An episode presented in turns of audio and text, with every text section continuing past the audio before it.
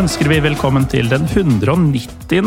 episoden av eh, Pyro og Pivo. Jeg heter Morten Galaasen, og med meg i dag over dette internettet så sitter mediesjefen i FK Haugesund, Runar Norvik. Velkommen. Takk skal du ha. Du eh, er jo ikke her for å snakke om eh, mediedrift i Haugesund, du? Nei, jeg pleier sjelden å bli hentet inn for å snakke om FK Haugesund når jeg først er på podkaster. Pleier som oftest å være andre ting på, på agendaen. Ikke sant? Fordi eh, Folk som kjenner litt til deg fra før, eh, vet jo at du eh, på sosiale medier i hvert fall har et, eh, ja, et pseudonym, eller eh, brukernavn. Balkanfabrikken. Og det er, jo, det er, jo, dit vi skal i dag, da. Men eh, først av alt, det er jo en stund siden sist, Runar. Åssen har du det? Jeg har det veldig bra. som alle andre som jobber med norsk fotball i koronakrisen, så, så innebærer det en, eh, ja, skal jeg si for noe, en veldig omskiftelig arbeidshverdag og måte å drifte en eh, fotballklubb på, med alle de utfordringer det har medført og helt sikkert kommer til å medføre i lang tid fremover. Men, eh, men man må jo bare ta det som det er og gjøre det beste ut av det. Mm. Men altså De stengte grensene, hvordan takler du dem?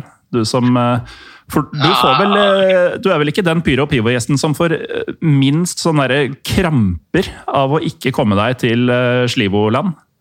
Nei, det skal sies altså, Nå har jeg faktisk gått tom for rake. på Forsyningslinjene mine har blitt kutta som følge av, av uh, koronakrisen. Og det, det, føler jeg vel kanskje enda sterkere på enn dette med å ikke kunne reise. For det har liksom blitt litt sånn normen nå. Nå har det gått så lang tid at de verste abstinensene i forhold til å skulle reise ut uh, har på en måte lagt seg. Det var mye verre for et halvt år siden, kanskje. Mm. Uh, når det er sagt, så er det ingen som gleder seg mer til å komme seg av gårde straks uh, mulighetene åpner for det, enn en meg. Jeg er veldig klar for å for å realisere en sånn lang liste over ting jeg har satt opp over ting som må gjøres straks muligheten byr seg.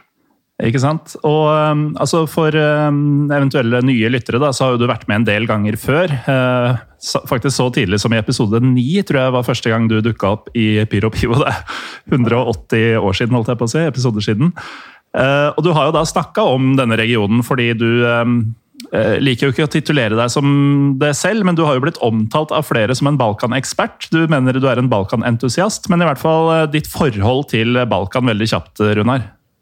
Veldig kjapt så er det jo at jeg har eh, både bodd i regionen og jobbet i regionen som fotballskribent. Studert balkanstudier ved Universitetet i Oslo og reist på kryss og tvers av det gamle eks-Jugoslavia ja, i hvert fall et tresifret antall ganger. Sånn at det er en del av Europa som jeg har er veldig entusiastisk overfor, og jeg er egentlig opptatt av hele totalen. Ja, da Fotballen er en del av det, mm. men jeg er vel så opptatt av historie, kultur, politikk ja, Og drikkevarer. Og ikke minst drikkevarer. Alt som, alt som har med den regionen å gjøre, syns jeg er veldig, veldig interessant. Jeg er helt enig med deg der, og det er jo også noe lytterne ofte sier. Eh, at det er Balkan-episodene som liksom virkelig stikker seg ut. Eh, fordi det er en såpass eh, ja, interessant del av, av, Europa, og som mange kanskje ser på som litt sånn vill og gæren. Og det har vi også for så vidt dekka med noen av dine tidligere besøk, der du faktisk har blitt jagd fra byer, og, og det er ikke kødd engang. Ja, nei, det er sant, det. Altså, noe av det som er fascinerende med Balkan, er at det er en veldig sånn paradoksal region. Uh, når folk sier at det er en vill region, så skjønner jeg jo hva de snakker om. Og jeg har jo snakket mye om det selv også. Uh, og, og, og, sitter litt med det samme inntrykket av at for siviliserte vesteuropeere så fremstår sikkert Balkan veldig vilt, men samtidig så skal man ha i mente at dette er en veldig kultivert del av Europa. Det er vel ingen land i Europa hvor folk leser mer bøker, er opptatt av kunst, er opptatt av uh, ja, uh, litteratur og en del sånne ting som egentlig aldri blir trukket frem som karakteristika ved regionen, men som også er en del av hverdagen. Så I Balkan så føler jeg at du finner liksom en, en gryte av alt. Du treffer alle typer mennesker, alle typer karakterer, eh, alle sinnsstemninger. Eh, ja, Modus operandi på Balkan er, er, helt umulig på en måte å definere. Da, på samme måte som si at det finnes en norsk folkesjel. liksom. Ikke sant? Men eh, vi er jo tidvis i hvert fall en fotballpodkast, Runar. Og det har jo, altså, som man alltid sier, det har vært en litt annerledes sesong også på Balkan. Eh, tomme tribuner der også, for det meste, vel. Eh, men eh, vi, skal jo da eh, Forrige uke så hadde jo jeg en episode hvor jeg ikke hadde laget noen agenda og bare stolte på at gjestene hadde sitt å komme med. Det syns jeg gikk så bra at det har jeg egentlig gjort i dag også. Vi har hatt litt korrespondanse over SMS hvor Eh, jeg egentlig bare ville at du skulle komme og snakke litt om ja, Det starta vel med Bosnia og litt om Mamic-gutta i Kroatia. Men du har egne planer for dagens episode. Hvor skal vi starte? Nei, jeg tenkte vi kunne ta en sånn uh, påskelabyrint. Bare ta en rundreise rundt omkring i regionen og gjøre opp litt status for, for fotballåret. Det har jo skjedd uh, en del uh, i stort sett alle um, eks-jugoslaviske land i fotballsammenheng i år. og så er det store ting i vente noen steder. Uh, så det kan jo kanskje være greit å bare ta, en, ta, en, rundreise med kanskje hovedfokus på noen utvalgte nasjoner, men, men ha en sånn variert buffé, rett og slett. Mhm. Når programlederen selv nekter å komme forberedt til sending, så må, må, må gjestene ta grep. Da har hybris blitt ganske stort. når du bare, Det er du og Petter Nome som setter dere ned i studio og kommer kommer uten, uten, forarbeid i studio. Ja, nei, men det, det, er jo også et selskap å, å være i. Men du, du, sier store ting i vente noen steder. Um, jeg tenker jo da at det er jo en uh, ja, nesten miniputt-nasjon som skal til sitt første EM. Skal vi snakke litt om dem, eller? Ja, altså Nord-Makedonia er jo ikke en eh, nasjon som blir viet voldsomt stor interesse vanligvis. Det har vel stort sett bare vært i nyhetsbildet pga. den navnestriden som har Ja, Det er grekerne som er interessert i det landet der, ingen andre? Nei. Uh, og i fotballsammenheng så har det jo vært en liten hva, hva, kaller man det for noe? En ja, nå kommer jeg ikke på begrepet, men en fotballmessig dverg, da. Mm at man har lov til å si det. Det har man kanskje ikke det heller. Papir og Pivo tror jeg det går. Ja. Eh, men eh, nå står de jo foran et EM-sluttspill for første gang. Mm. kvalifisert seg til forrige års EM-sluttspill. og jeg tenker at for alle som sitter der ute og mangler et lag de har lyst til å følge litt ekstra i fotball-EM, så er jo Nord-Makedonia, dette nordmakedonske mannskapet er jo på en måte sendt litt fra oven. Da, for der er det mye, er det mye snadder, altså. Eh, det er ikke, det er ikke sånn Kvalitetsmessig så er det jo ikke et veldig godt lag, og de kommer ikke til å komme langt. Og de kommer sannsynligvis heller ikke videre fra gruppespillet. Men de har Uh, har en generasjon bestående av godt voksne spillere. Goran Pandev, selvfølgelig. Jeg tenker at han har blitt god igjen, da.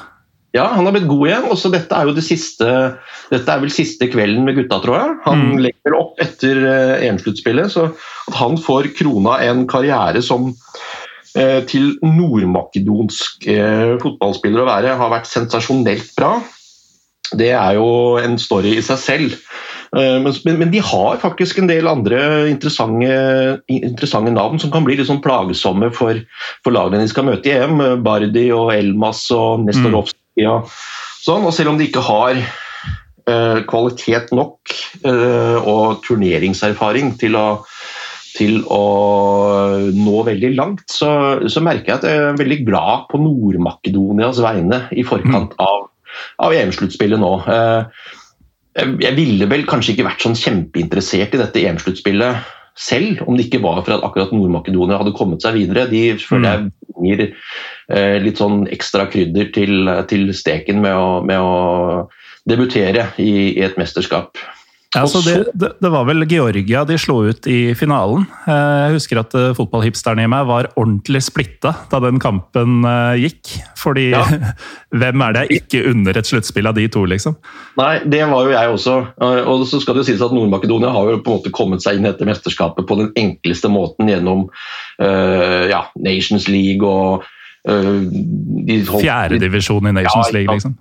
Sånn at uh, Sportslig sett så skal man ikke ha for store forventninger, men jeg tenker at det laget der, det, det har noen sånne potensielle uh, juveler da, som jeg håper at folk uh, kanskje får øynene opp for. det blir helt sikkert et par-tre nordmakedonske spillere som skifter klubbadresser etter sommerens EM-sluttspill og blir å finne på langt bedre klubbadresser enn det de er allerede nå. Og skal det sies at flere av disse spillerne er jo allerede på, på uh, i, i, i, solide klubbnavn. Mm. Uh, Elmas er jo i Napoli, og ja, Bardi spiller i Spania. Så det, uh, Nestorovskij, Odinese. Så det, så det, er jo et, uh, et ukjent, men veldig spennende lag, tenker jeg. Mm. Men altså, jeg hører det nordmakedonere og nordmakedonsk og sånn, det bare glir ut av tunga di ganske lett. Men uh, det er ikke bare bare å ikke si Makedonia, makedoniere. Nei, det er ikke det, altså. Jeg har veldig vanskelig for å forholde meg. Jeg syns det høres krøkkete ut. Og... Ja, det gjør det. Hvor, hvor er Sør-Makedonia, liksom? Ja, uh, For meg så føles det veldig oppkonstruert. Uh, men dette er jo et politisk kompromiss da, med mm. grekerne, uh, som gjør hevd på, på navnet Makedonia. Mm. Og så um, tipper jeg vel at når vi kommer til sommerens EM-sluttspill, så er det vel um, Makedonia som kommer til å bli brukt av folk flest. Uh, veldig vanskelig å forholde seg til. Jeg må liksom konsentrere meg for å huske Nord-Makedonia. For det begrepet Makedonia er innarbeida over mange år allerede. Så, ja. så, um, så, det blir spennende å se en fotballnasjon som kanskje tidligere da egentlig bare har vært uh, kjent for uh, Panchev i sin tid. Uh, mm. Ja, Darko Panchev. Kronjuvelen til, til jugoslaviske laget som aldri fikk lov å bli mester i 1992-EM. Nei, og som, som skjøt Røde Stjerne til daværende seier i, altså seier i det som da var Champions League, og, og var en, en, av Europas aller beste spillere. Hvis man skulle skrive en en bok om uh, makedonsk fotballhistorie på 90-tallet hadde vært umulig eller 90-tallet og utover da, eh, hadde vært umulig å kalle det noe annet enn fra Panchev til Pandev? Uh, skulle godt gjøres. Det ville blitt en bok for de veldig spesielt interesserte. i så fall, hvis du ja, hadde... Er du og Trym Hogner som leser den? Kommet, ja, Den boka hadde nok ganske mange lest, men hvis du skulle kommet trekkende med noen særlig andre navn, så ville det nok, ville det nok Eh, salgstallene blitt eh, relativt få. Eh, men Makedonia, eller Nord-Makedonia de, de, var jo ikke noen sentral del av, av uh, fotballproduksjonen i det gamle Jugoslavia. Det var jo få spillere fra mm. Nord-Makedonia som uh, spilte en veldig veldig sentral rolle i for, for, forbindelse med f.eks. landslaget og den slags, men de hadde dette Vardar Skopje. da. Ja. Uh, Vardar Skopje var jo liksom um, flaggskipet. Ja, De var liksom det makedonske alibiet i den jugoslaviske superligaen. En, en storklubb. Ja, eh, permanent innslag. Mm. Uh, hevda seg tidvis uh, bra, og også på øvre halvdel uh, av tabellen i det gamle Jugoslavia. Uh, spilte jo på et veldig ikonisk stadion med en voldsom, uh, massiv tribune på den ene langsiden og tilnærmet ingenting på den andre. Men det var et veldig fryktinngytende vegg og feil å si å ha i ryggen, men å ha på siden. Mm. Uh, men de var jo også et permanent innslag og har jo vært flaggskip i makedonsk fotball. Men denne sesongen så skjer jo det utenkelige. Nå skal det sies at posisjonen til Vardar Skopje har vært utfordra en god del de siste årene. Uh, ja, Det er ikke gitt lenger at de blir seriemester? Det er det ikke. Uh, På ingen måte i år? Nei, virkelig ikke i år. Nå, før denne sesongen så ante vel folk at det var tid for uh, et hegemoniskifte, kanskje. Uh, Uh, Skendia, som da siden gikk bort og vant, de uh, var nok forhåndsfavoritt også. Og så spådde man at uh, Vardar Skopje var i en litt sånn mellomsesong hvor de måtte bygge nytt fordi de hadde mista en del spillere. Økonomien uh, var uh, ganske laber. men så går de faktisk bort og rykker ned. Vardar rykker ned, altså? Vardar Skopje rykker ned, og det er det blir virkelig vanskelig å trekke noen paralleller til norsk fotball. Det er fristende å si Rosenborg, men jeg vil jo si at Vardar Skopjes posisjon i makedonsk fotball, nordmakedonsk fotball, er egentlig mye større mm. enn Rosenborgs posisjon i norsk fotball med tanke på nedrykk.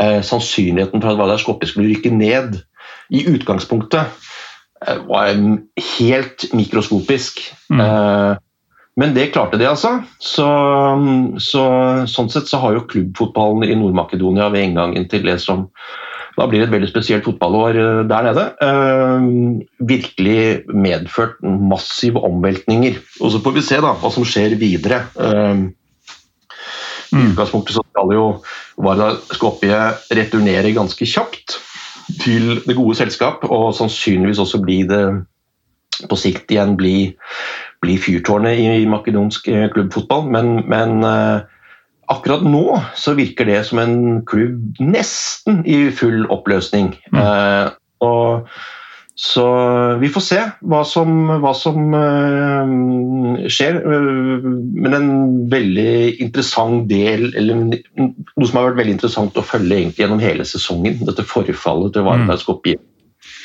Og så er det jo, altså vi, vi, har faktisk vel knapt nevnt dette landet før i Pyro og Pivo. og Da slo det meg nå at um, når du sier Skendia, uh, det høres jo ut som et annet språk enn uh, når man sier Vardar. Og uh, jeg hadde jo, James Montagu var jo på Pyro og Pivo for et års tid siden. Han skrev jo, eller ga ut i fjor boka 1312, 'Among the Ultras'. og I et av kapitlene der så er han jo faktisk litt rundt omkring i Nord-Makedonia. Um, Eh, i forbindelse med også turer til Albania og Kosovo. Liksom. Og eh, skildrer veldig interessante etniske motsetninger innad i et allerede sånn eh, Det er jo litt sånn der gjengs oppfatning på Balkan at Makedonia er liksom ingenting. Det er ikke en egen etnisitet. det er ikke... De har klart å, å si, skape mye sånn internt klammeri, og samtidig insistere på at vi, er, vi er Makedonia, vi er makedonere. Men det er jo. Det er jo en røre.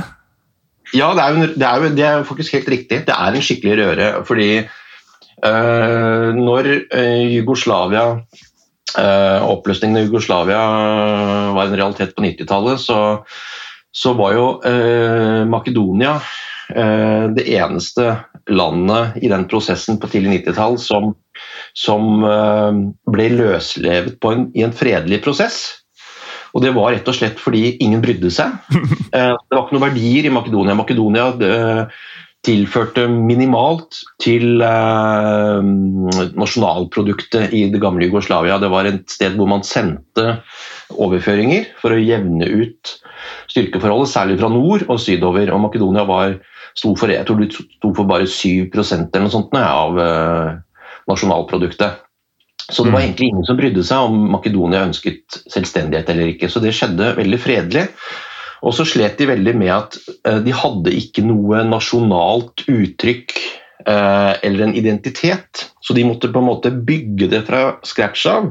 Og hvis du reiser til hovedstaden Skopje i dag, så vil du se at det ser nesten ut som en liten sånn eventyrpark. fordi overalt så står det noen overdimensjonerte statuer, og det er kupler, og det er kopier på sentrale bygg fra Vest-Europa. Triumfbuen står der i en uh, egen Og alt handler om identitets- og nasjonsbygging. Uh, de skal bygge De var veldig opptatt av å bygge en, uh, en nasjonal identitet. men en veldig stor andel av befolkningen i Makedonia er jo albanere. Og reiser du vest, nordvest i Makedonia, så så kommer du til eh, områder hvor, eh, hvor eh, ja, befolkningen nesten utelukkende er albansk. Mm. Og det er, har vært en del motsetninger eh, mellom eh, mellom albanere, i, eller makedonske albanere og, og makedonere. makedonere. men Har det tunga rett i munnen? Ja, relativt rolig. Uh, sammenlignet med konflikter andre steder i regionen. Mm. Eh, men, det, men tidvis har det vært noen militante trefninger og litt forskjellig sånn, eh, selv om det begynner å bli noen år tilbake i tid nå. Men jeg reiste jo inn i i de albanske delene av Makedonia for noen år siden. Fordi jeg fikk for meg at det å se KF drita var kjempegøy. Og jeg fikk jo med meg en kamerat uh, som ikke ante noen ting om hva han gikk til. Og Det eneste vi visste om byen vi dro til, uh, på det tidspunktet, det var at for noen år siden så hadde det vært noen to britiske FN-observatører på plass der for å overvåke Eller ikke FN-observatører, men valgobservatører. Uh, for å overvåke et valg som pågikk. Men de forsvant og ble aldri sett igjen. Forsvant altså borte? Ja. To, og det, Etter sigende så skal det ha vært blant de aller første ikke-albanske menneskene, som uh, utlendingene, som uh, dro inn i Bogovinje, som denne byen het. da. Og Der kom jeg og kompisen vår kjørende inn, og så hadde vi fått for oss at uh, nå skulle vi bli godt kjent med lokalbefolkningen og hjemmelaget supportere. Så vi svinger inn foran uh, supporterkafeen og går inn der og skjønner akkurat i det øyeblikk du åpner døra og setter ta ett skritt inn at dette er kanskje den dårligste ideen du har hatt noen gang. Det, uh, og det sier en del i ditt uh, tilfelle? Ja, nei, det er det absolutt. Jeg tror aldri, med hånda på hjertet, si at jeg har aldri vært så redd i hele mitt liv som da jeg gikk inn i den kafeen og det satt 50 veldig høylytte KF Drita-fans eh, og drakk en eller annen form for lokal eh, saft eller et eller annet der inne. Og så bare ble det helt stille når vi kom inn døra der, og de lurte selvfølgelig da på hvem er disse to, og hva i alle dager gjør de her?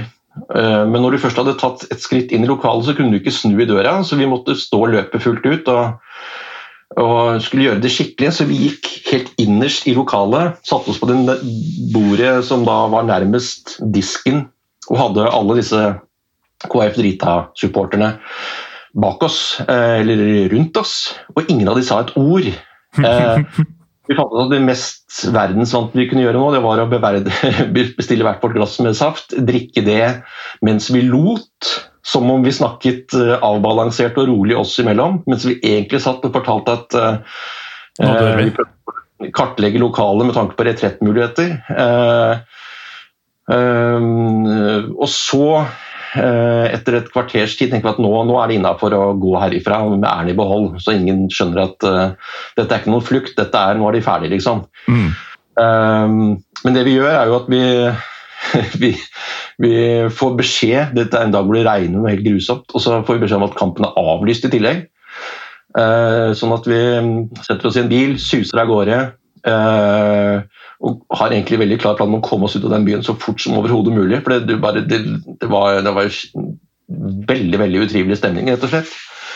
Uh, og så klarer vi da å sprute Det står en, en, en, stor forsamling med gamle, gamle mm, landsbyens eldste beboere på et hjørne. uh, som vi spruter ned med tidenes største søledam. Mm. Uh, og ja, da tar det jo helt fyr, selvfølgelig. Men heldigvis er vi på vei ut av byen, så det trenger vi ikke tenke på, tror vi. Bare for å oppleve at vi har kjørt inn i en uh, blindvei. Så vi må tilbake. Vi må tilbake gjennom sentrum. Og vi lurer på hva i alle dager gjør vi nå? Så det, som, det, det, det, vi ender med, er at vi rett og slett kjører inn i en åpen garasje og parkerer der og trekker ned, trekker ned uh, garasjeporten og står der i jeg tipper det er to eller tre timer. I håp om at de ikke gidder å stå og vente. For de vet at vi må tilbake den veien. Mm, ja, de vet jo det. De vet jo det veldig godt. Og da er det en lynsjemobb som står og venter på oss, rett og slett. Uh, men etter et par-tre timer så, så kommer vi oss uh, ut på veien igjen og kjører gjennom sentrum. Og, og ja, vi rømmer. Vi, vi, vi forlater ikke Bogovinje, vi rømmer fra Bogovinje. Det som er litt gøy med deg, Runar, er jo at uh, når folk hører på deg, og for så vidt også ser deg, så uh, er du jo en sånn dannet, verdensvant, velartikulert, rolig, sindig, ordentlig mann. Eh, men eh, altså eh, du, du, har hatt flere lignende sånne historier om at du havner i store vanskeligheter på Balkan. Og du har også hatt noen som vi ikke har fortalt på lufta, som vi heller ikke skal ta nå. Men her, her var du ikke dritings engang, liksom. Det, det, bare, det er, det er Balkansvøpen som bare tar deg. Her drakk vi lokal uh, saft ja. uten promille. Ja, og ett glass bare òg. Om rips, eller hva det nå kan ha vært. Jeg fikk mm. aldri helt på hva det var for noe. Men, uh, men uh, det, det, har, det, har, ikke vært så mange ganger hvor jeg har reist rundt uh, på de merksmodigste steder og liksom følt meg skikkelig utrygg. og at uh, uh, Men akkurat der og da, når vi satt inne i den supporterkafeen til KF Drita og da, da, fikk, da, gikk tankene til disse valgobservatørene som hadde forsvunnet et halvt år i forveien, om at dette her, dette er det siste vi gjør. Så vi skålte i rips og, og oppsummerte, oppsummerte uh, livet og tok noen telefoner og runda av noen prosjekter på hjemmebane fordi vi regna ikke med å komme oss ut derifra i livet. Det klarte vi. ja, og, og, det gjør man jo holdt på å si som oftest, helt til man en gang ikke gjør det mer. Men, også, men det må sies, uh, dette var en fryktelig fremstilling av uh, Makedonia. og makedonere. altså, Makedonia skiller seg uh, Min erfaring da, med Makedonia er at de har et utgangspunkt et helt annet gemytt enn resten av befolkningen i det gamle Jugoslavia, kanskje med unntak av slovenerne i nord. Mm makedonere generelt er veldig milde. Jeg får, jeg får litt sånn Asia-vibber når jeg treffer makedonere. Eh, de er veldig milde, ikke veldig brautende, ikke veldig oppfarende, ikke veldig ampre. Og det skiller seg jo litt sånn sett fra, fra, inntrykket man kanskje får hvis man reiser andre steder i regionen. Mm. Så Uh, erfaringene jeg gjorde akkurat der, i Bogovinje, det var noe sånn helt ekstraordinære greier. Ja. Uh, alle varsellampene blinka jo før vi, før vi, dro inn dit. om at Det er ingen vestlige som reiser inn der. Mm. Uh, men vi gjorde nå det, da. Ja, det gjorde dere. Men apropos Men apropos reise rundt i regionen, eh, skal vi si oss ferdig med Nord-Makedonia ja. og heller eh, slippe innom et annet eks-jugoslavisk land som du kan velge fritt fra? Ja, jeg tror vi skal Det er så mye å ta for oss i Bosnia, tenker jeg, at vi kan kanskje bare sette kurs dit. Mm. Og ingen, en dårlig skjult hemmelighet at det kanskje er ditt favorittområde i hele regionen? Ja, nei, det er, det, er krystallklart mitt eh, favorittland hvis jeg må velge ett i regionen. Mm. Eh, mye fordi jeg har bodd der og, og, har reist der så mye og vært så mange steder og kjenner så mange at eh, og, og, og, fordi Bosnia er det landet som i det gamle Jugoslavia kanskje eh, i dag fortsatt illustrerer det gamle Jugoslavia best. Da. Både i forhold til mangfold, etnisitet, men også mm. hvordan Ehm, landene som sådan altså du har, du har, så mye pakket inn på et, et ganske lite geografisk eh, område. Fjell i Herzegovina, eh, veldig storslagne, sånn pittoreske, flotte landskap som kan minne litt om Toskana oppe i nord. Eh, og veldig sånn industrialisert sentral-Bosnia. Mm. Ja. Men, eh, men uh, fot fotballen i Bosnia er jo også et kapittel for seg selv. Uh, den kommer jo med en del dimensjoner som annen, andre land kanskje ikke trenger å uh, bruke mye tid på i fotballsammenheng. Men, men inneværende sesong vil det normalt sett tenker jeg, ha gått over i historiebøkene som en helt ekstraordinær sesong i Bosnia. For der har det skjedd veldig mye rart på klubb Eh, fronten og landslagsfronten. Eh, men spesielt klubbfotballen har jo da, som alle andre, eh, lidd under av at de har vært tilskuernekt og den slags. Og sånn sett så kommer dette helt sikkert til å være glemt nesten like fort som om sesongen er unnagjort. Selv om det på banen har skjedd utrolig mye rart som Sånn, sånn, rent sportslig, vil jeg merke. Det har vært en kjempeinteressant sesong for de som har hjertet sitt i bosnisk klubbfotball, sånn som jeg har. Uh, ja, så Et kjapt uh, holdt på å si, overfladisk blikk på tabellen nå, etter det som ser ut til å være 30 runder av Er det 32 de skal til? 33? Ja. 32. 30, ja, 33 er det vel. Så ser man jo at Srinski ikke kommer til å bli seriemester, og vi ser at Gelio fra Sarajevo de ligger midt på tabellen. Og ja, Det er vel i seg selv oppsiktsvekkende nok, de to tingene? Ja, uh, Zrinskij Mostar er vel det laget som da, hvis du tar de siste 10 årene, 15 årene, har vunnet serien flest ganger. Uh, så visste man nok før denne sesongen her at det ville bli ganske jevnt bak FK Sarajevo, som alle var innforstått med at uh, er på papiret det beste laget. Og som gikk mot et seriemesterskap nærmest på cruisekontroll helt frem til vinterpausen. Etter vinterpausen så har de kollapsa voldsomt. Og per dags dato så ligger de jo bak FK Borats Banjaluka, som nå mm. etter alle solmerker blir eh, seriemester. Borats Banjaluka er jo da eh, den største hva skal man si, serbiske klubben i Bosnia. Eh, og kommer fra Banjaluka i den delen av Bosnia som heter Republika Serbska. Ja, Det er vel i praksis eh, den serbiske hovedstaden i Bosnia-Hercegovina, ja. hvis man kan snakke sånn? Ja. Uh, og uh, i seg selv er jo det oppsiktsvekkende at FK Sarajevo har rota bort, rota bort dette her, for de har et veldig spennende lag, både med tanke på uh, de store etablerte navnene, men de har også en ganske fin generasjon med unge spillere som er på vei opp og frem. Du har en midtbanespiller som heter Djukanovic, som kommer til å bli sykt god, rett og slett. Eh, og Det er veldig sjelden du ser sånne spillere komme opp gjennom systemet i bosnisk fotball. Eh, fordi vanligvis så ville Djokanovic han ville vært eh, ville ha reist til en europeisk klubb når han var 16-17, mm. kanskje enda mer. Og muligens bare blitt borte på veien. Men han har kunnet bli værende i Bosnia, fordi det er ganske mye penger i noen klubber i Bosnia nå, spesielt i FK Sarajevo med mm. investorer og sånn. sånn at Eh, de klarer å holde på spillere i større grad. Eh, eh, men, men, men, på tross av dette så har jo da FK Sarajevo kollapsa i innspurten nå. Synes å miste et veldig opplagt seriemesterskap. Og sparket bare for noen dager siden treneren sin, Vinko Marinovic. Og så er det da Dette kommer vi litt tilbake til etterpå, men det er selvfølgelig som alltid i Bosnia og Serbia kanskje, de to landene spesielt, en evig uh, diskusjon om dommernes påvirkning, kontroversielle avgjørelser. Og nå I det siste så har det vært veldig mye rart som har gått i disfavør FK Sarajevo. Så nå er det jo veldig Jeg skal ikke kalle det konspirasjonsteorier, fordi du kan ikke utelukke på en måte noen ting i Bosnia. Men, mm.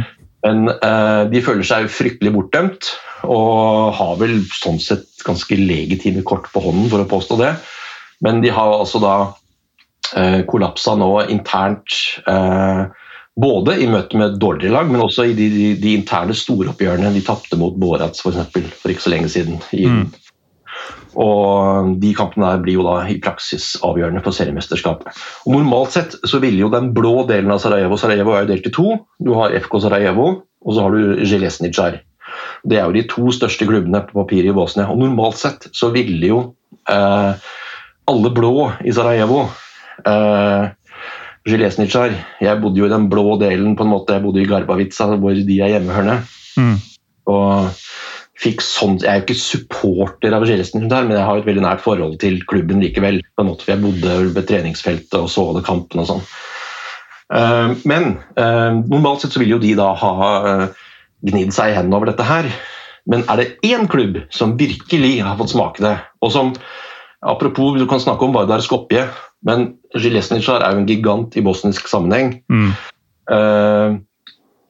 De har altså da spilt tolv kamper, tror jeg det er nå, uten seier. De har ikke vunnet en eneste kamp i 2021. Um, eh, og ja, du må tilbake til tidlig desember i fjor for å finne sist gang Zjelesnitsjar vant en fotballkamp. Og det er litt sånn, eh, For å trekke parallellen til Vardaskoppi og Rosenborg igjen, det er litt som å si at Rosenborg går tolv kamper uh, uten, uten, seier. Sånn at mm. eh, om FK Sarajevo har kollapset, så har eh, erkerivalen Jelesnicar satt en historisk bunnotering. og det er vanskelig å se at det laget skal klare å Uh, få, uh, få benytta de tre siste kampene til å, til å få skuta på rett kjøl igjen. Fordi, Fordi ja, de har Det utenkelige skjedde jo nå nylig. at Amar Aasim, som da har vært trener i Zilesnitsjar, og som har en status der som Nils Arne Eggen hadde i Rosenborg, faktisk fikk sparken. Oh. Og Det er altså helt tenkelig i utgangspunktet, men det, nå var det kommet så langt at de hadde ikke noe annet valg. Hmm. Og uh, han ble da erstattet av Blas Slitskovic, en annen tidligere legende i, i både bosnisk klubbfotball og, og, europeisk fotball um, på trenerbenken. Og han har da fått den utakknemlige oppgaven med å snu dette her. Ikke gått veldig bra så lenge, så får vi se hvor lenge han blir sittende. Uh, men de betaler prisen for å ha et veldig aldrende, gammelt lag. Mm. Men uh, hvorfor gjør det, akkurat det seg gjeldende liksom halvveis i sesongen? Eller uh, sagt på en annen måte, hvorfor kan ingen i Sarajevo spille fotball lenger uh, etter vinterpausen? Ja, nei, I, jeg, i akkurat FK Sarajevos tilfelle så er det nok litt sånn tilfeldig. Altså, at de, er, de har mista momentum og er inne i bare en dårlig trend. For FK Zilesnitsjar så tror jeg nok det handler om litt større ting. Av at de har satsa på en haug med veldig rutinerte spillere Um, og uh, ja, spillere som alle stort sett har det til felles at de er litt sånn over the top, og de utgjør sentrallinja i laget deres. Der er det ganske mange Frode, Frode Kippe, for å si det sånn. Eh, mange kipper? Mange, ja, han heter jo Kippe, da. Eh, det viser seg å være meget eh, manusbasert, men Litt som oss. Ja. Uh, Nei, eh, eller en rake motsetning til oss, er det vel for så vidt. Eh, ja, eh, det er mange Frode Kipper du lener deg på. Og ikke et vondt ord om Frode Kippe, men i 2021 så bør du ikke gjøre det. Nei. Og det er jo det Gilesnitsjar gjør mellom Bekric og en del andre tunge, tunge, navn, men som hadde sin glanstid for fem år siden. Mm. Så de har virkelig fått smake det.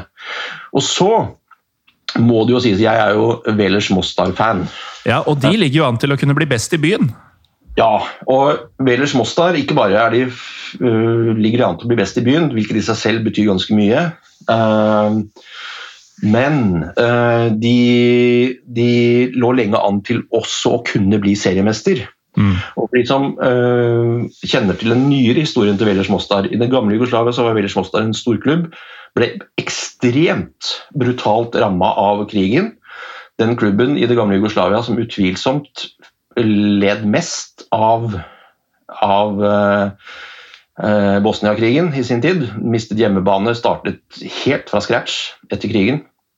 Og har prøvd å bygge seg opp, men aldri fått noe ordentlig dreis på det. Uh, men for et par-tre år siden så kom det inn noen veldig driftige folk. Og jeg vet ikke hvor disse pengene kommer fra. fordi Utfordringen har alltid vært i Mostar at det finnes ikke penger til å drive toppfotball. Men nå har de altså gjennom de to-tre siste årene bygget både infrastruktur, bygget opp stadion sin ute i Vrapcic til å bli en veldig, veldig fin, moderne, idyllisk stadion. Og eh, brukt masse penger eh, etter lokal standard på å sy sammen et veldig veldig spennende og sterkt lag. Eh, både egenproduserte spillere, men også en del tunge navn som normalt sett ville gått andre steder. Ehm, så en oversikt her for en tid tilbake, og da viste det seg at Velers Mostar faktisk var den klubben med det høyeste lønnsbudsjettet i bosnisk I alle eh, dager. klubbfotball. Og det, det, er virkelig nye takter. Og de har også hatt, øh, og skal, så skal det sies at de har fått sportslig avkastning for det. Nå har de spilt 16 kamper, tror jeg, på rad uten tap. Uh, og De er med helt der oppe, men med tre kamper igjen så når de nok sannsynligvis ikke helt opp. De har mm. De ble grassat bortdømt i en kamp mot Boras Banja Luka på overtid. Eh, og Det var den kampen som på en måte bikket seriemesterskapet sannsynligvis i Boras Banja Lukas eh, favør. Eh, dette er bare et par uker siden. Eh, og det leder oss over på Så, så for Velers Mostar-supporter så er det kjempespennende tider. Mm. Og vinner ikke seriemesterskapet i år, men eh, jeg tror fremtiden ligger ganske godt til rette for Velers Mostar til å etablere seg som en storklubb i Bosnia. Ja, Det er på tide igjen, i så fall. Ja, Men uh, hvordan er det med europaplasser? Altså, har det noe å si om de blir nummer to eller tre? Ja da, absolutt. Uh, de fire Det er vel fire klubber faktisk som går til Europa. Uh, nå, vet, er jeg faktisk litt usikker på hvordan den nye formaten Ja, nå er det jo bare kaos. Men ja, altså, det var jo et dumt spørsmål i utgangspunktet. Det vil jo ha fordeler å bli kommer høyere opp på tabellen. Ja, uh, men, men uh, selvfølgelig å komme til Europa er kjempeattraktivt for en klubb som i sin tid var regelmessig i Europa på 70-80-tallet. Men samtidig så det handler litt om å vinne seriemesterskapet, liksom. Det, det er der gulrota ligger, mm. i all hovedsak. Men vi skal tilbake litt til det, dette med det som er interessant nå også i Bosnia. Det er jo dette med at Boras Baneluka litt sånn ut av det blå eh, har seilt opp og leder. Mm. Og De har et bra mannskap, de satser ambisiøst. og de, de, har alltid en sånn syklus av at de bruker masse penger som de ikke har, syr sammen et bra lag, eh, hevder seg brukbart, eh, vinner av og til eh, cup og ja, i serien med en anledning de siste årene. Og så går det på en kjempesmell, og så er det konkursvarsel og alle spillere forlater klubben. og sånn, og det, det tipper jeg vi får se nå også, men uh, ikke før etter at de sannsynligvis da har sikret årets serietittel. Og så har det vært veldig mange kontroversielle dommeravgjørelser uh, som har hjulpet Boras Baneluka ganske godt på vei. Ja, Så det er liksom og, en, et slags mønster her? Ja, uh, må vel ha lov til å si det. Uh, også, og Det er ikke noe nytt det i, i uh, bosnisk sammenheng at noen lag har veldig stor eh, drahjelp fra dommerne. Det har skjedd flere ganger. Men det som er litt nytt av året nå, det er at det er en klubb fra den serbiske delen som har uh, ja, som drar, drar, nytte av dette. Da, eller som du mener du kan se et mønster i at de får veldig mye dommerhjelp i de avgjørende kampene og avgjørende situasjonene. Og hvordan kan det ha seg? For det det, det strider litt mot uh, gammel praksis. Uh, uh, og så er det jo det å si at det bosniske fotballforbundet for tre-fire måneder siden de fikk en ny president. Velko Zelkovic. Nei, Vitso Zelkovic heter han. Han er vel ikke tilfeldigvis etnisk serber?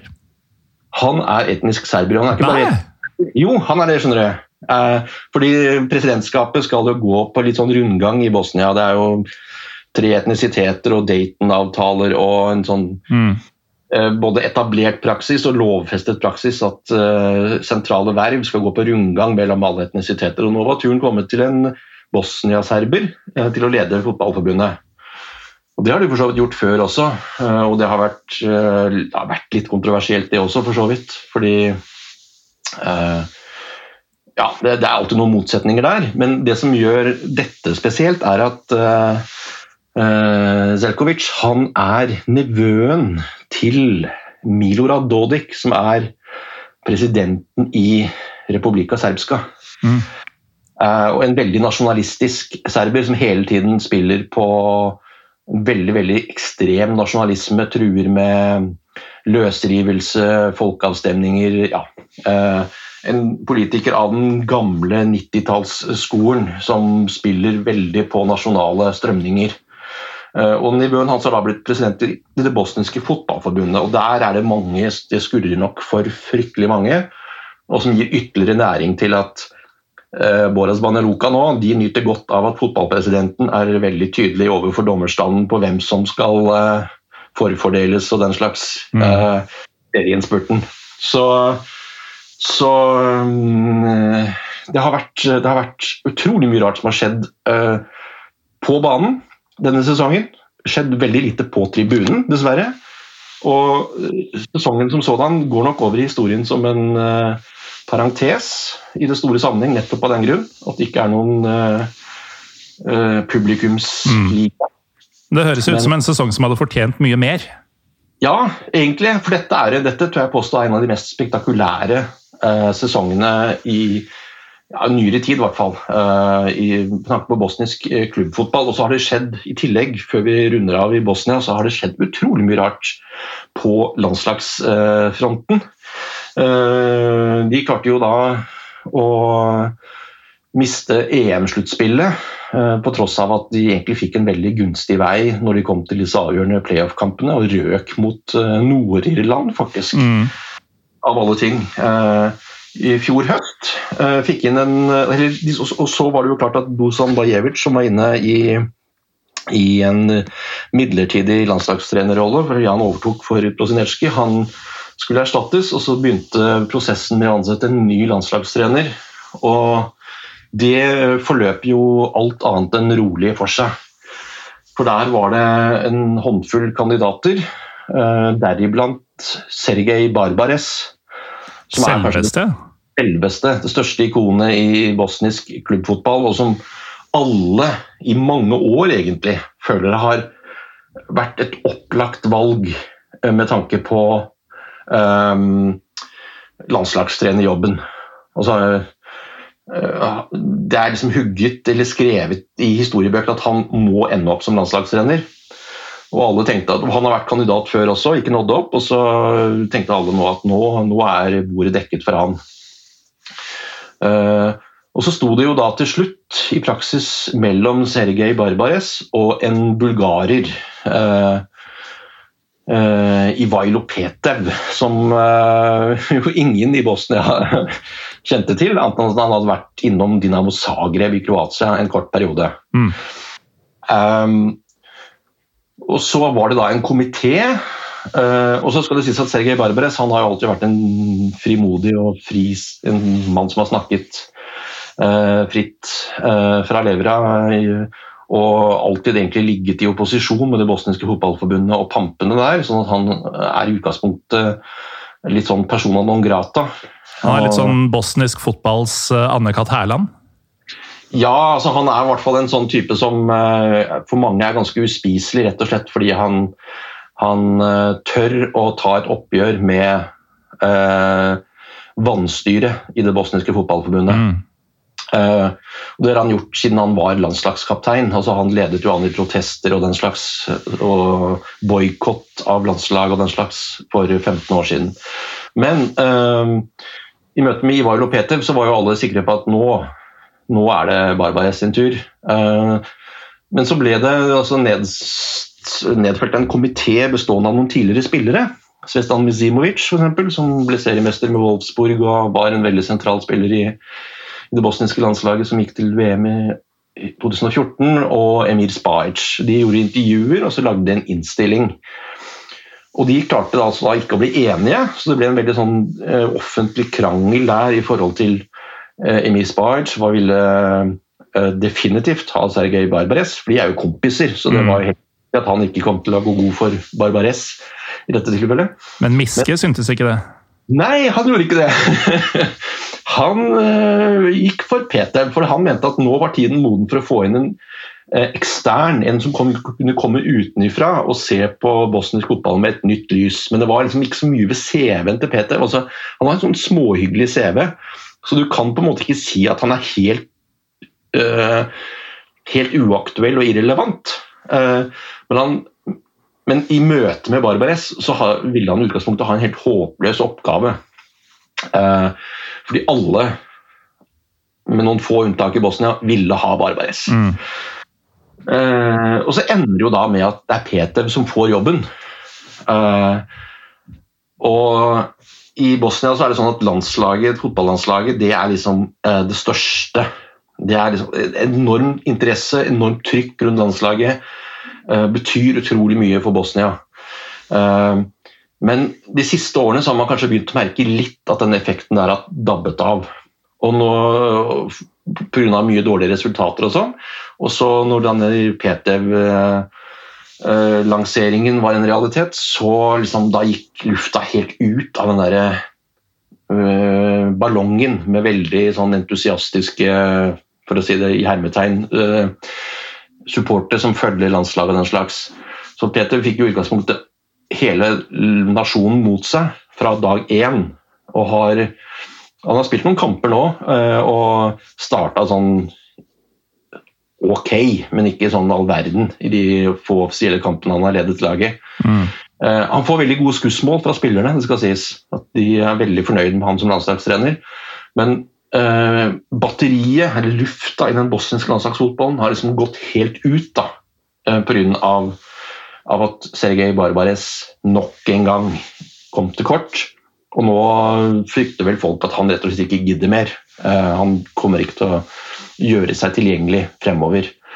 Uh, og Bosnia står jo for et overfor et generasjonsskifte hvor Djeko og Pjanic og de siste spillerne i den veldig gode generasjonen er i ferd med å bli fasa ut.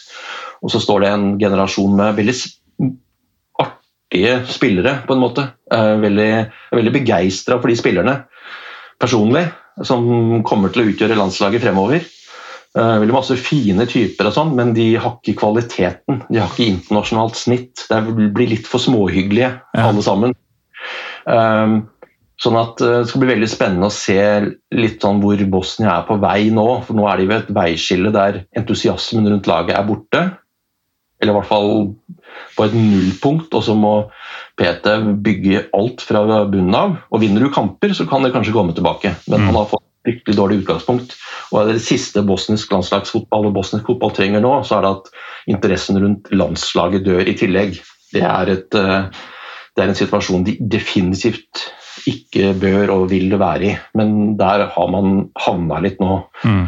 Um, Pga. den prosessen som ja, det, var, det, var, fire måneder tror jeg det tok å ansette ny landslagssjef, og det var en fryktelig uryddig og ja, uverdig prosess. Og Peter han er bulgarer, han er ortodoks. Eh, så nå har de en ortodoks president i Fotballforbundet. Mm. Og så har de på sett og vis fått inn en ortodoks trener også. Eh, det er klart, I Bosnia så er det, altså det, Sånt kan man på en måte Det burde ikke være et moment, da, men uh, i Bosnia så kan du ikke se mellom fingrene på det. Nei, ikke sant? Veldig mange, veldig mange, lurer litt på hva, hva, er det som skjer med fotballen vår nå. Liksom? Har vi mista det helt? Har vi mm. fotballen alvor? Uh, og Barbares det skal sies, Barbares er jo også uh, Han er jo halvt serber, og moren var muslimsk. og uh, ja, han, han, er, han, har, han, har en samlende bakgrunn? Ja, han er en fjerdedel kroat, en fjerdedel muslimsk og halvt serbisk. Uh, uh, så, så, han ville ikke vært Men han er liksom captain Bosnia, da. Så han, mm. er, han fanger alle under uh, Han symboliserer liksom det nye Bosnia, egentlig. Ja. Så, så, så, sånn endte det. Ja. bare bare rot og tull fra ende til annen på landslagsfronten. Veldig dårlige resultater. De har knapt vunnet en kamp på halvannet år. Eh, og prosesser som går eh, i det offentlige rom og den slags, eh, bekrefter egentlig bare at veldig høy temperatur, lite struktur og ikke så kanskje mange tegn på nært forestående bedring.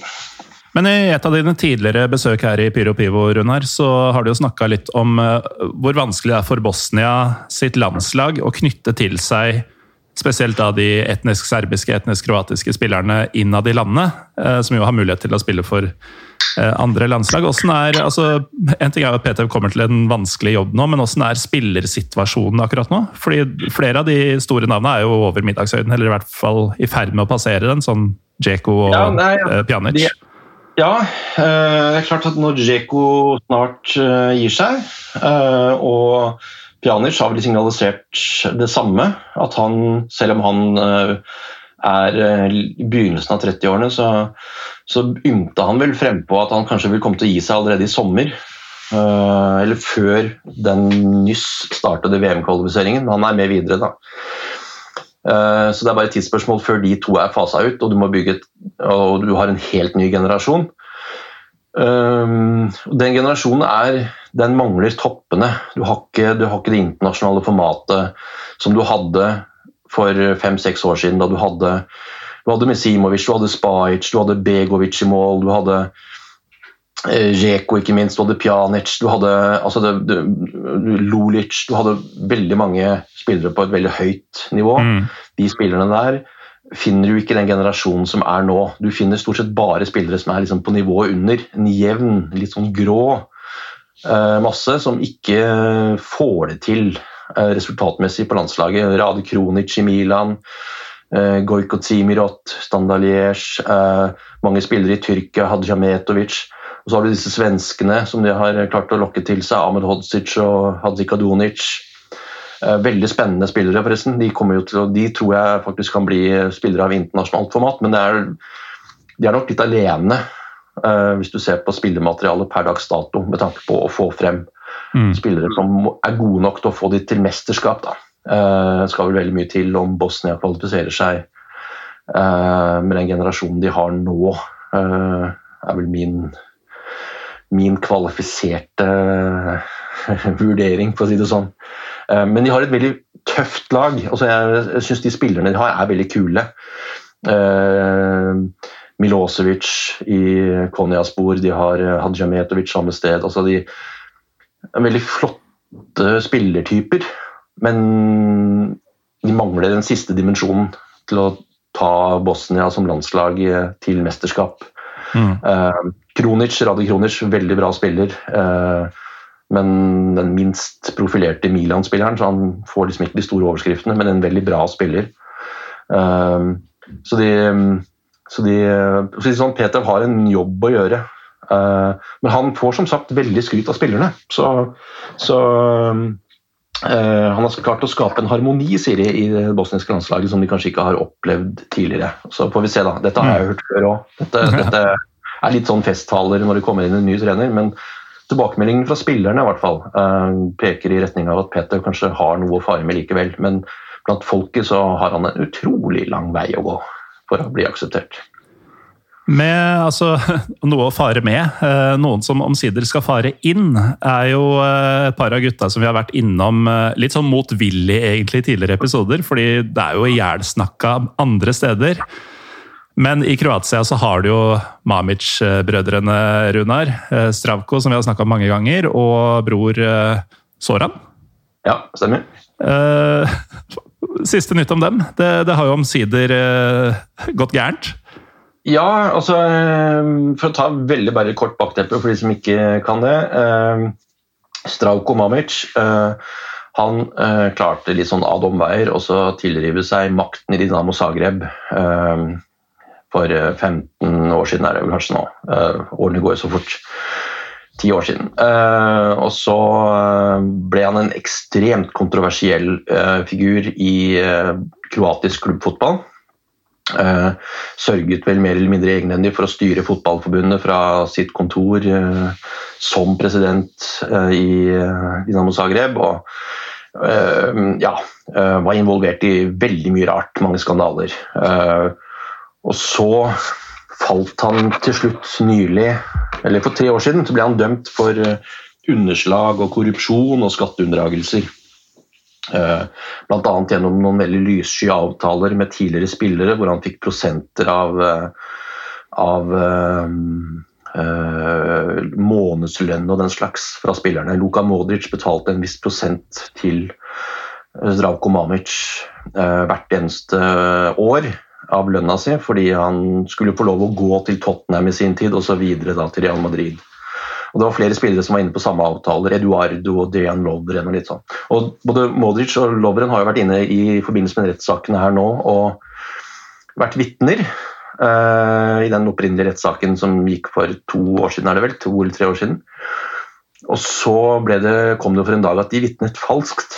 Fordi de, de hadde opprinnelig uh, bekreftet at Eh, jo, sånn var det. De hadde inngått en avtale med Mamic om at han skulle ha prosenter av lønn. Eh, noe som var ulovlig, selvfølgelig. Og så når de kom til rettssalen, så endret de forklaring, begge to. Eh, helt sikkert etter et massivt trykk fra Mamic og hans kompaner. Han var, en, en veldig, vel, var, og er en veldig mektig mann. Mm. Sånn at Både Modric og Lovren risikerte jo lange fengselsstraffer for å ha løyet i rettssalen, men så ble disse sakene henlagt. da. Men Eh, spesielt Modic tapte veldig anseelse og renommé i Kroatia som følge av akkurat dette her. Han uh, var jo en nasjonal kjæledegge på mange måter, men uh, kroaten mista veldig respekt for han fordi han viste seg å bare være en løpegutt for Mamic. Og så hadde Stravko Mamic også en bror, Zoran Mamic, som er trener, som har trent i Namo Zagreb. Og disse to ble til slutt uh, dømt første gang for tre år siden, er det vel. For uh, unndragelser og underslag og den slags på nærmere jeg tror det er nesten 130 millioner norske kroner. Ja. Det er hva snakk om. Og bare for å si det altså i, På Balkan så har du en kultur hvor korrupsjon på en måte er litt sånn en del av maskineriet. Det er en del av hverdagen. Uh, sånn at når du først blir reist en sak mot deg for økonomiske misligheter Så skal det være ganske grovt? Da har du trukket det ganske langt. Jeg tenker at Det blir ikke reist noen sak eh, om korrupsjon eh, i den regionen der. Med mindre du i utgangspunktet har veldig, veldig dirty hands, altså. Eh, og disse ble jo dømt i tillegg. Men så stakk de av, begge to. Eh, og så brynta de seg av ankemuligheter, og Zdravko Mamic flytta til, eller rømte til Bosnia, hvor han også er statsborger. Det samme er broren Soran. Og Soran dro til Saudi-Arabia eller noe sånt nå, hvor det ikke var utleveringsavtale. Og Bosnia har heller ikke utleveringsavtale med Kroatia. Er ikke det litt rart? Uh, jo. Eller er det kjempenaturlig? Det er en av delene. Nei. Ja. Jeg har aldri reflektert så mye over hvorfor det er sånn, jeg bare konstaterer at det er sånn. Og dette visste jo de. Så Zdravko Mamic han flyttet, rømte til Bosnia for eh, tre år siden i forbindelse med den opprinnelige domfellelsen. Uh, og Så skulle han egentlig blitt utlevert til Kroatia, men det, det har jo ikke skjedd. Uh, og så I mars i år så ble uh, dommen endelig. Da var det gjennom en ny runde, og så ble de dømt til ja, Zdravko Mamic fikk vel seks år, og broren fikk vel fem. I tillegg til et par andre folk som var involvert i dette her. Noen skatteinspektører som jobbet i det offentlige og sånn, fikk også lange fengselsstraffer. Men Zdravko Mamic han sitter jo i Bosnia, vel vitende om at han blir ikke utlevert. Og nå har også broren rømt så han møtte ikke opp til soning. Eh, de visste at Drako ikke kom, men Zoran skulle, han var jo inntil nylig eh, trener i Dinamo Zagreb. Kom mm. tilbake, overtok Dinamo Zagreb mens denne saken pågikk, ankesaken pågikk. Og trakk seg den dagen dommen ble bekrefta. Så skulle han egentlig møte til soning nå i ja, var det forrige uke, tror jeg. Eller ja, må ha vært eh, før, før helgen dukket selvfølgelig ikke opp. Og han har også nå eh, rømt og flyktet til Bosnia. Eh, hvor, eh, hvor, han vet at han ikke kommer til å bli utlevert. og ja, der står den saken. Mm. Da er det veldig mye frem og tilbake her i forhold til at de muligens skal få amnesti og ja. Og i den i den gryta her så er jo på en måte alt mulig. Da. Du kan ikke utelukke noen ting. Mamic er en veldig mektig mann. Veldig mye penger.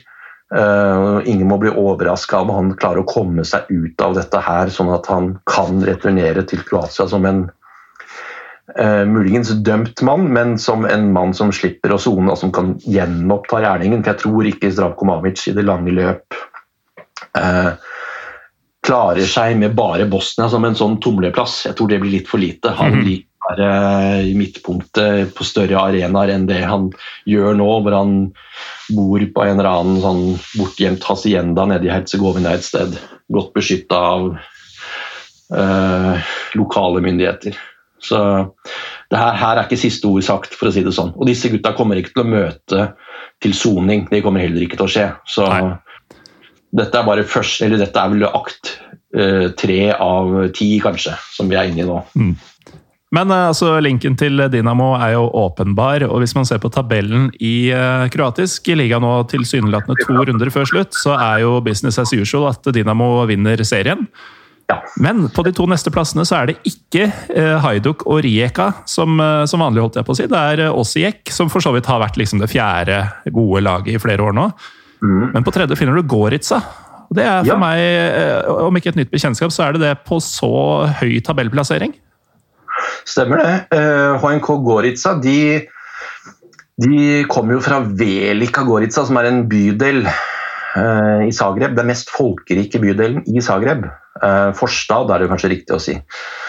I utkanten av Zagreb. Uh, og er i egne øyne, eh, sånn rent juridisk, så er det vel ikke en etterlevning av en tidligere klubb, men de påstår selv at de på en måte er videreføringen av en, eh, av en eh, tidligere kroatisk klubb som het NK Radnik, som kom fra bydelen, og som gikk konkurs for ja, det er vel 20 år siden. Mm.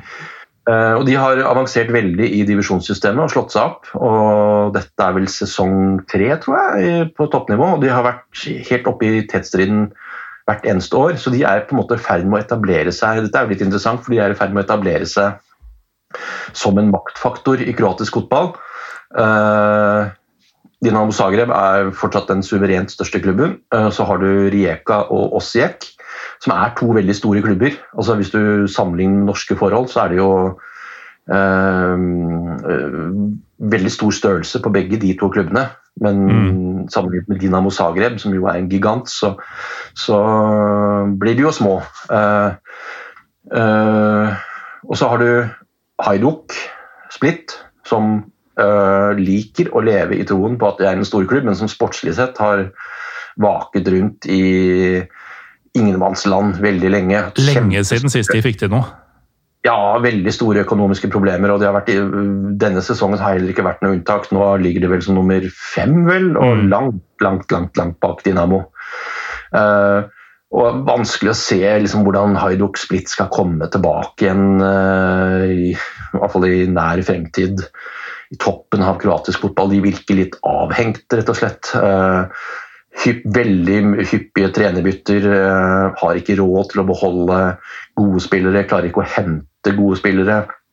Må prøve å bygge et godt lag ved hjelp av uh, spillere som er billige og kanskje har potensial, men som ja, uh, veldig mye jobber mot Haidok Split. Da, har gjort det i mange år. Uh, Sånn at um, Det som tidligere var gjerne en kamp mellom Hajduk Split og uh, Dinamo Zagreb om hegemoniet i kroatisk fotball, det har Dinamo Zagreb for lengst avgjort til sin fordel.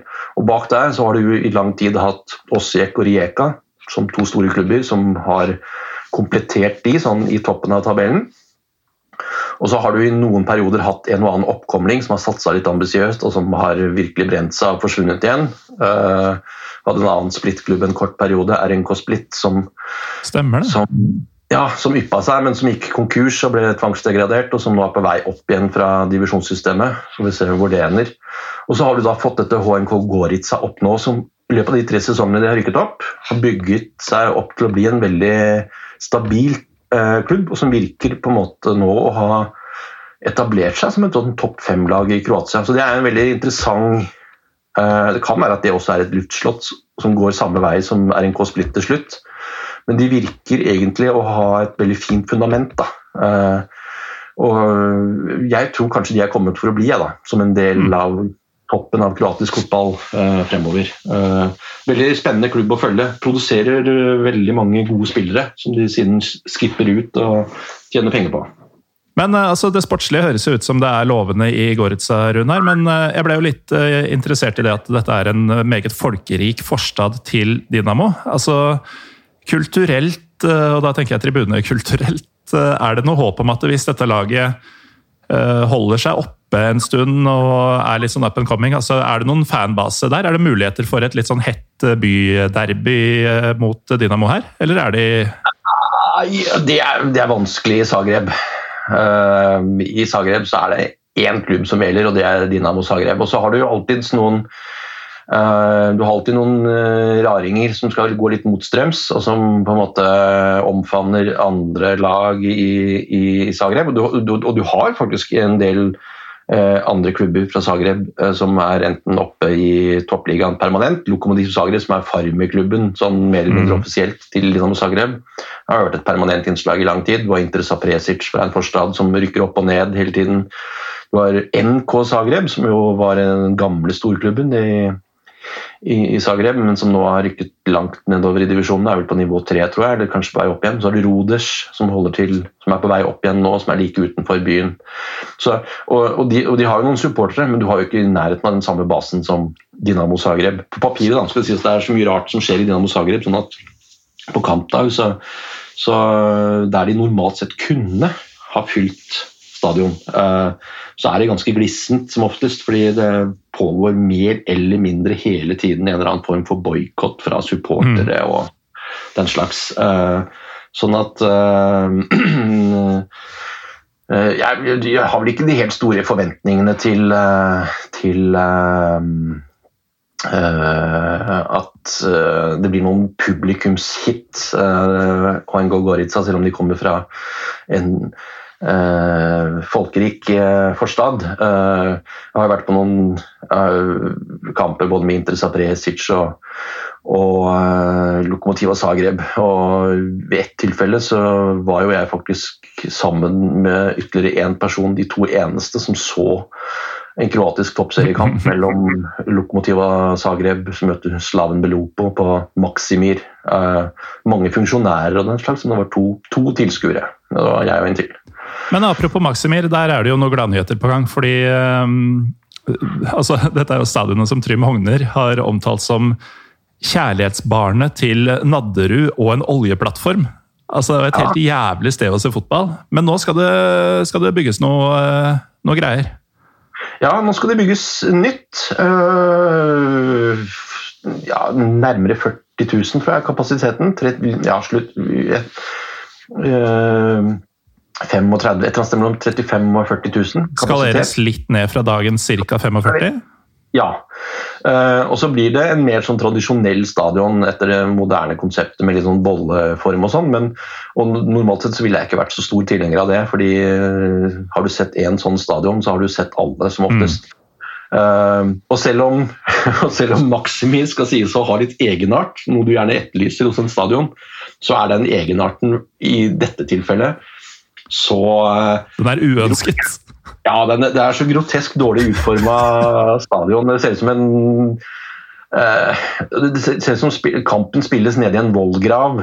Og, og, det er ikke noe intimitet i det hele tatt mellom uh, spillerne på banen. Og, og, selv om du sitter på første rad, så har du 15 meter ned mm. til spillerflata. og sånn. Så en håpløst dårlig konstruert uh, stadion som uh, Ja, uh, vet ikke hvor ideen til dette her kom fra. Mulig det var sikkert praktisk og funksjonelt i sin tid, men, men i møte med dagens moderne krav til til intimitet på stadion og trykk og sånn, så, så, er stadion helt håpløst utdatert. Uh, det har det egentlig vært fra dag én av. Men, altså, da jeg var, der, eh, jeg var, der, høsten 2016 uh, og så faktisk Dynamo mot uh, Haiduk.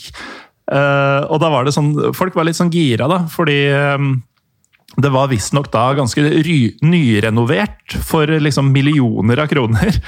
Og så kommer jeg dit og bare Hva er det dere har brukt disse pengene på? Det, det er jo like jævlig som det alltid har vært.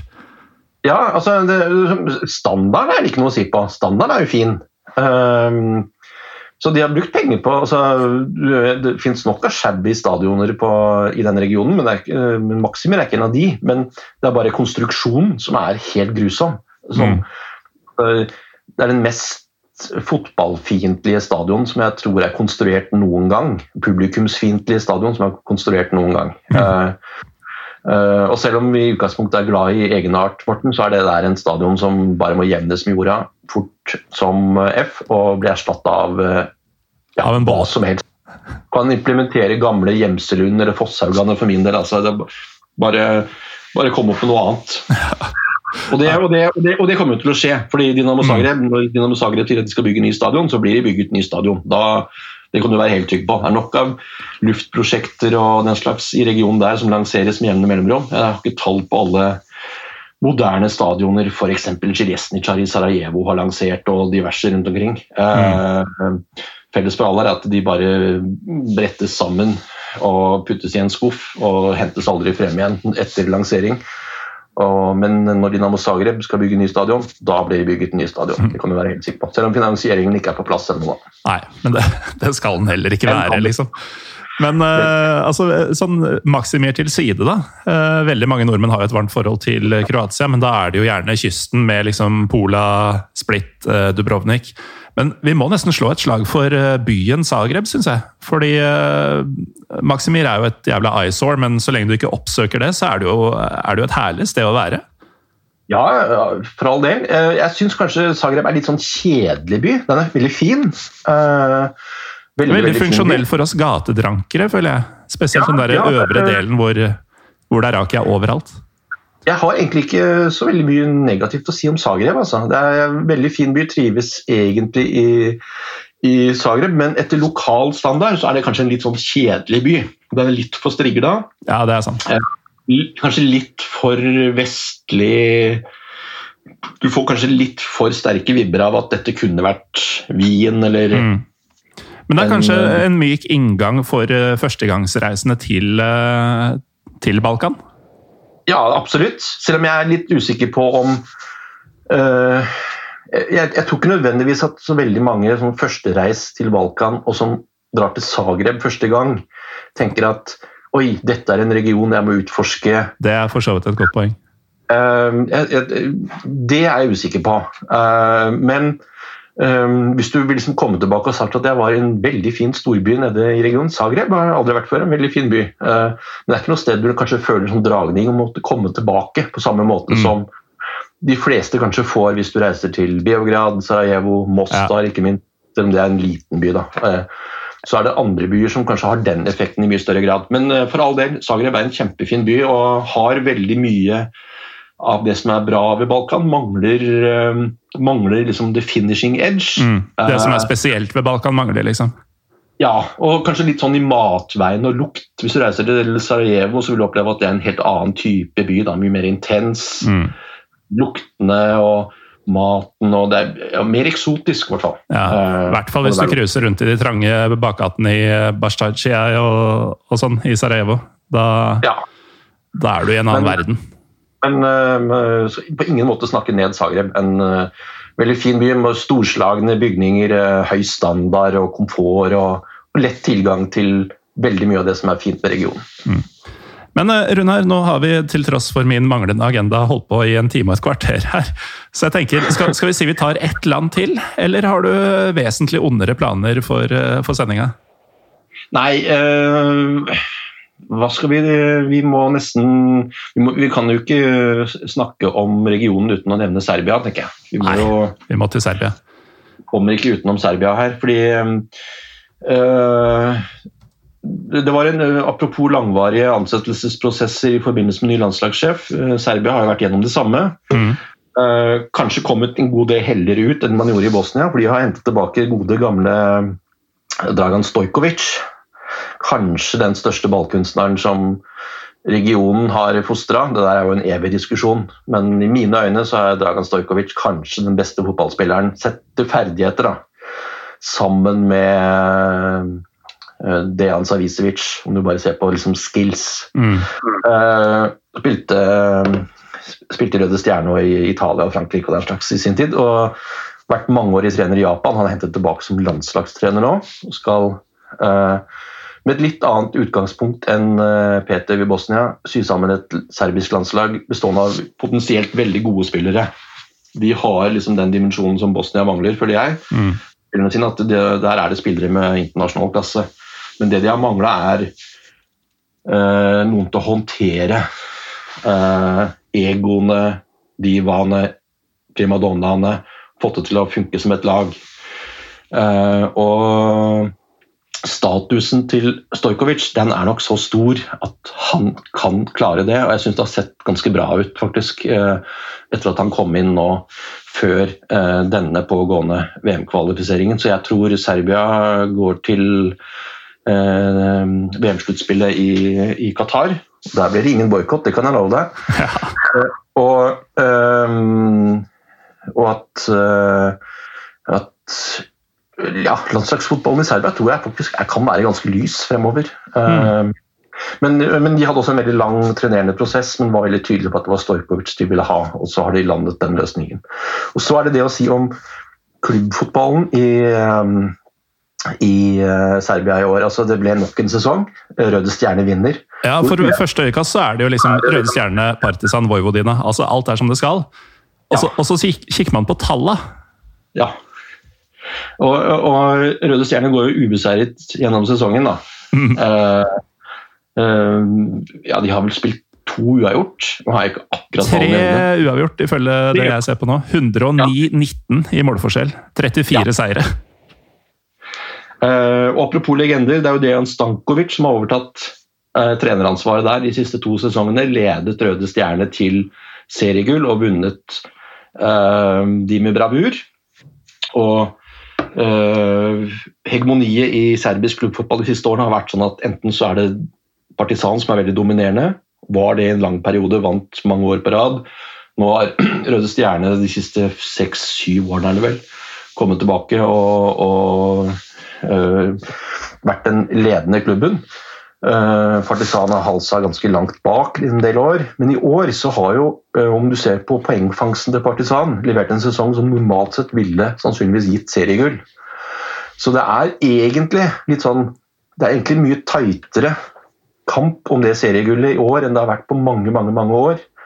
Det er bare det at Røde Stjerne har vært så absurd uh, stabilt gode i topp, toppen.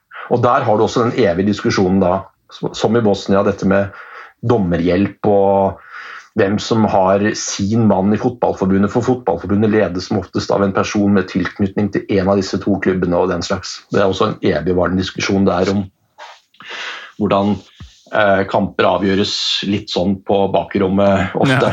Ja. Vi kan jo også, Hvis man skal strekke det langt, og, det liker man jo å gjøre i Serbia, eh, så er det jo sånn at eh, dette er jo et land, altså kanskje Russlands beste venn i, i Europa. Uh, og så er det jo da laget med Gazprom på brystet som da ja, går seirende ja. ut av denne duellen. Prikk, prikk, prikk. Ja.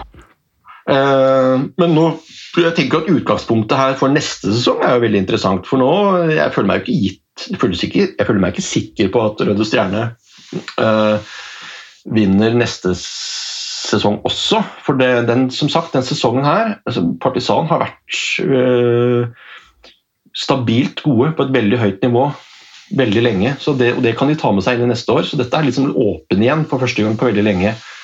Uh, neste, neste, sesong. Uh, og så er det litt spesielt dette med uh, Dejan Stankovic som har kommet tilbake. Vært trener i to år for Røde Stjerne. Og alle snakker om at oi, for en fantastisk trener. Liksom. han er jo en enda bedre trener enn han var spiller. Uh, og så tenker jeg at det, det, er, det er, ubesvart. Altså, han, selv om han har liksom gått knapt avgitt et poeng, så har han også leda et lag som på papiret ville sannsynligvis vunnet uh, Superligaen i Serbia med Morten Galaasen på, på tidligere. Um, og Det snakkes jo om at ja, Dejan Stankovic han er aktuell for klubber utenlands og i Italia, hvor han hadde en lang spillerkarriere. og sånn. Og tenker jeg, ok, det hadde vært interessant, for da får vi se hva han faktisk går for som trener, når han ikke overtar et lag som kan bare flyte på eh, Flyte på eh, konkurransefortrinnet sitt, da, som ligger der i bunnen, og som bare går hele tiden. Det er et lokomotiv som går. Sånn at um, Det er også litt interessant hva, hva skjer med Stankovic i, i Røde Stjerne uh, fremover. Og og så må vi nevne når vi er inne på serbisk klubbfotball, at det har kommet opp der også en oppkomling. Veldig ambisiøs klubb. Eh, Batska, eller? ja. Batska Topala. Eh, fra Vojvodina. Hvis du, hvis du, snakker med serbere, eh, så vil de si at eh, eh, du har liksom ekte Serbia, og så har du liksom kanskje ikke fullt så ekte Serbia. Og Vojvodina er en region som, hvor den nordlige delen av Serbia. Mm. Det er sånn, litt sånn uekte Serbia. Ja, litt sånn ungarske, rumenske innflytelser og sånn? Ja, veldig influert av veldig mange andre nasjonaliteter og den slags. Og reiser du veldig langt nord i Vojvodina, så, så snakker jo folk ungarsk og ja. Mm. Og um, Barska Topala de kommer fra en by helt nord i Vojvodina. Uh, majoriteten der er ungarsk mm. av etnisitet. Uh, kommet seg opp i divisjonssystemet. Uh, og så uh, viser det seg at de har jo en veldig veldig rik investor i bakhånd. Og Det er jo i dag ingen ringere enn gjennom litt sånn stråmenn. Viktor Urban. Jaha, ja. Denne ja, må vel være lov til å si at han er ganske høyrefascistisk statsminister, eller Er en autoritær leder på høyre ja. fløy. Ja, det var diplomatisk sagt, i Ungarn. Det er han som egentlig finansierer satsingen i Batsjka Topala. og de, Det innebærer bl.a. at de nå holder på å bygge et helt flunkende nytt, veldig stort, fint stadion. Mm. Men uh, litt sånn kontroversielt satsingen der, fordi, fordi, fordi pengene kommer da uh, Hvis man følger pengestrømmen, som det så fint heter, så sporer man det tilbake til uh, Til Viktor Orban. Utenlandsk regjering. Mm. Men de er en klubb som, som litt avhengig av hvor lenge den der forsyningslinja der opprettholdes, kan komme inn og forrykke litt sånn maktbalansen i, i, Serbia. Og Vojvodina blir som sagt nummer tre. Det er liksom det stedet alle forventer at de skal være. De er en klubb som skal være med i teten, men ikke noe helt opp. Veldig unntaksvis så har de gjort det. Og Der er det jo interessant at de har jo vært gjennom sesongen her ledet av både denne og foregående, av Nenad Lalatovic. Han er jo den mest eksentriske treneren i Serbia, må det være lov til å si. Eh, ekstremt humørsyk og kupper overskriftene stort sett etter hver eneste eh, serierunde med noen nye utspill og havner i veldig masse kontroverser, og bøtelegges av fotballforbundet den slags. Og er en veldig flink trener. Uh, vært i Røde Stjerne. Uh, gikk ikke så bra, men han har bl.a. fått Radnic Gnish fra syd i Serbia til å bli en, en etablert toppklubb igjen. Det var hans verk for noen år siden. Mm. Men så viser det seg nå at nå, nå vil han ikke mer i Vojvodina. Uh, som jeg tenker egentlig er tapet hans. da. Altså, han har trent Røde Stjerne, så han kommer jo ikke tilbake dit. Og han er helt uaktuell for Partisan i egenskap av å ha trent Røde Stjerne. Um, og Vojvodina er liksom tredje klubb. Så den, og sånn særlig høyere hierarki der kommer ikke han. Så han har uh, rett og slett bare funnet ut at han, og det er veldig typisk han, føler jeg, Uh, at han bare sier at ok, nok er nok, Vojvodina. Nå overtar jeg et etablert bunnlag. Så han reiser tilbake til neste sesong til Beograd, overtar Rad Beograd. En knøttliten klubb i denne sammenheng.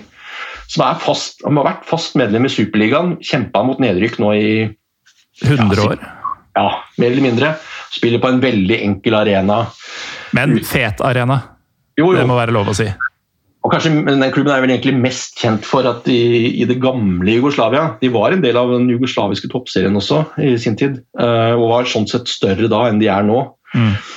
Uh, hadde den mest rabiate fansen uh, i det gamle Jugoslavia, og senere også i Serbia. Den mest berykta fansen. Og det er jo for så vidt en merkelapp du skal jobbe ganske hardt for å få. da. Ja, det er faktisk godt jobba, men eh, altså, hvis vi kalte uh, Viktor Orban høyreorientert i stad, så er jo disse er det United Force de kaller seg. Ja, de, de, ville nok ikke vært like skeptiske som andre til å få noe penger fra Viktor Orban, kanskje. Nei. for dette er en brokete forsamling. Altså. Jeg var jo der for noen år siden og syntes det var ganske fascinerende at hjemmelagets supportere ble plassert i et bur bak mål. Ja. Altså bokstavelig talt. uh, ja, jeg har også vært ute og sett eh, Rad Beograd en, ganske mange ganger. Fordi det er en interessant klubb med tanke på at de er flinke på å få opp uh, nye spillere. Uh, Jorde Denic, som var i Rosenborg, kom jo bl.a. derifra. og sånt, Så de, de, baserer seg all hovedsak på utvikling av egne spillere. Uh, og må bare selge de videre straks det byr seg en åpning. fordi Eh, det er en uh, klubb med veldig beskjedne ressurser, men dit skal altså nå Nenad Lalatovic. Uh, og i en manøver som fremstår for alle andre enn han selv veldig, veldig merkelig, men samtidig helt i hans ånd, da. Så um, jeg, jeg, skulle ønske at han kanskje tok ansvar i en større klubb og var litt mer sånn fotballfaglig relevant også fremover. Mm. Uh, fordi han er en veldig Han er en karakter og en fyr som jeg liker veldig godt som type. fordi han er også litt sånn at han snakker øvrigheta midt imot hele tiden. Han aldri, backer aldri en tomme. Uh, og tilfører sånn sett uh, serbisk klubbfotball noe som han er ganske alene om. Uh, men, han er, men, han er, også veldig uforutsigbar og gjør de merksnodigste ting. Så han takket for seg i Vojvodina, som han er i ferd med å prøve å bygge opp til en stor klubb. Og så skal han overta et prosjekt som egentlig ikke har forutsetninger for å ja, lykkes i det hele tatt. Nei, men det Det høres jo veldig ut som vi må snakke om dette i framtida også, Runar. Og se åssen det går med, med gull, gullkalven i, i, rad og litt ja, annet. Jeg, jeg, jeg, magefølelsen min sier at hverdagen kommer til å innhente uh, Lalatovic i rad uh, relativt tidlig neste mm. høst. Og han kommer til å takke for seg i påvente av at det kanskje dukker opp en annen jobb. Men, men uh, her igjen Gjennomgangstonen her er at Siste ord er ikke sagt her heller. Nei, det er det som regel aldri på Balkan, og det er det som er så nydelig. og Det er derfor eh, jeg kan si at du er hjertelig velkommen tilbake om forhåpentligvis ikke altfor lang tid, Runar. Men eh, i mellomtida, tusen takk for at du var med i dag og delte av din eh, entusiasme for, for disse landene og denne, dette hjørnet i Europa, som jo er helt, helt unikt, må vi kunne si. Absolutt. Bare hyggelig. Og til deg som hører på, takk for at du gjør det. Eh, husk å følge Runar på Twitter, for innimellom så skriver han eh, også ting av den karakteren som dere har hørt han snakke nå. Ehm, men eh, jo, serien er jo for så vidt i gang også, Runar, her hjemme. Vi, glemte jo, eller vi nevnte jo at du jobber i Haugesund. Hvordan blir sesongen for dere? Oi, Godt spørsmål. veldig usikker på det. Jeg, si jeg er ganske sikker på at vi etter hvert kommer til å fremstå veldig bra. men vi har jo vært nedstengt og hatt kort oppkjøring og få treningskamper. og har ikke klart å skru ting på plass ordentlig ennå. Sånn at øh, når øh, vi kommer litt ut i fotballåret, så tror jeg vi kan bli veldig spennende å følge. Men at vi sannsynligvis vil variere ganske mye i de første kampene. Mm. Eh, til deg som hører på, hvis du vil ha mer Runar Norvik eh, om eh, sånne ting som vi har snakka om nå, så figurerer du, Runar, i episode 9 og 12 fra første sesongen av Byrå Pivo, hvor du snakker litt sånn Balkan i generelle vendinger. En egen Kroatia-episode i episode 83, og ikke minst i fjor sommer, 154, da vi rett og slett snakka om konene og kjærestene til serbiske fotballspillere.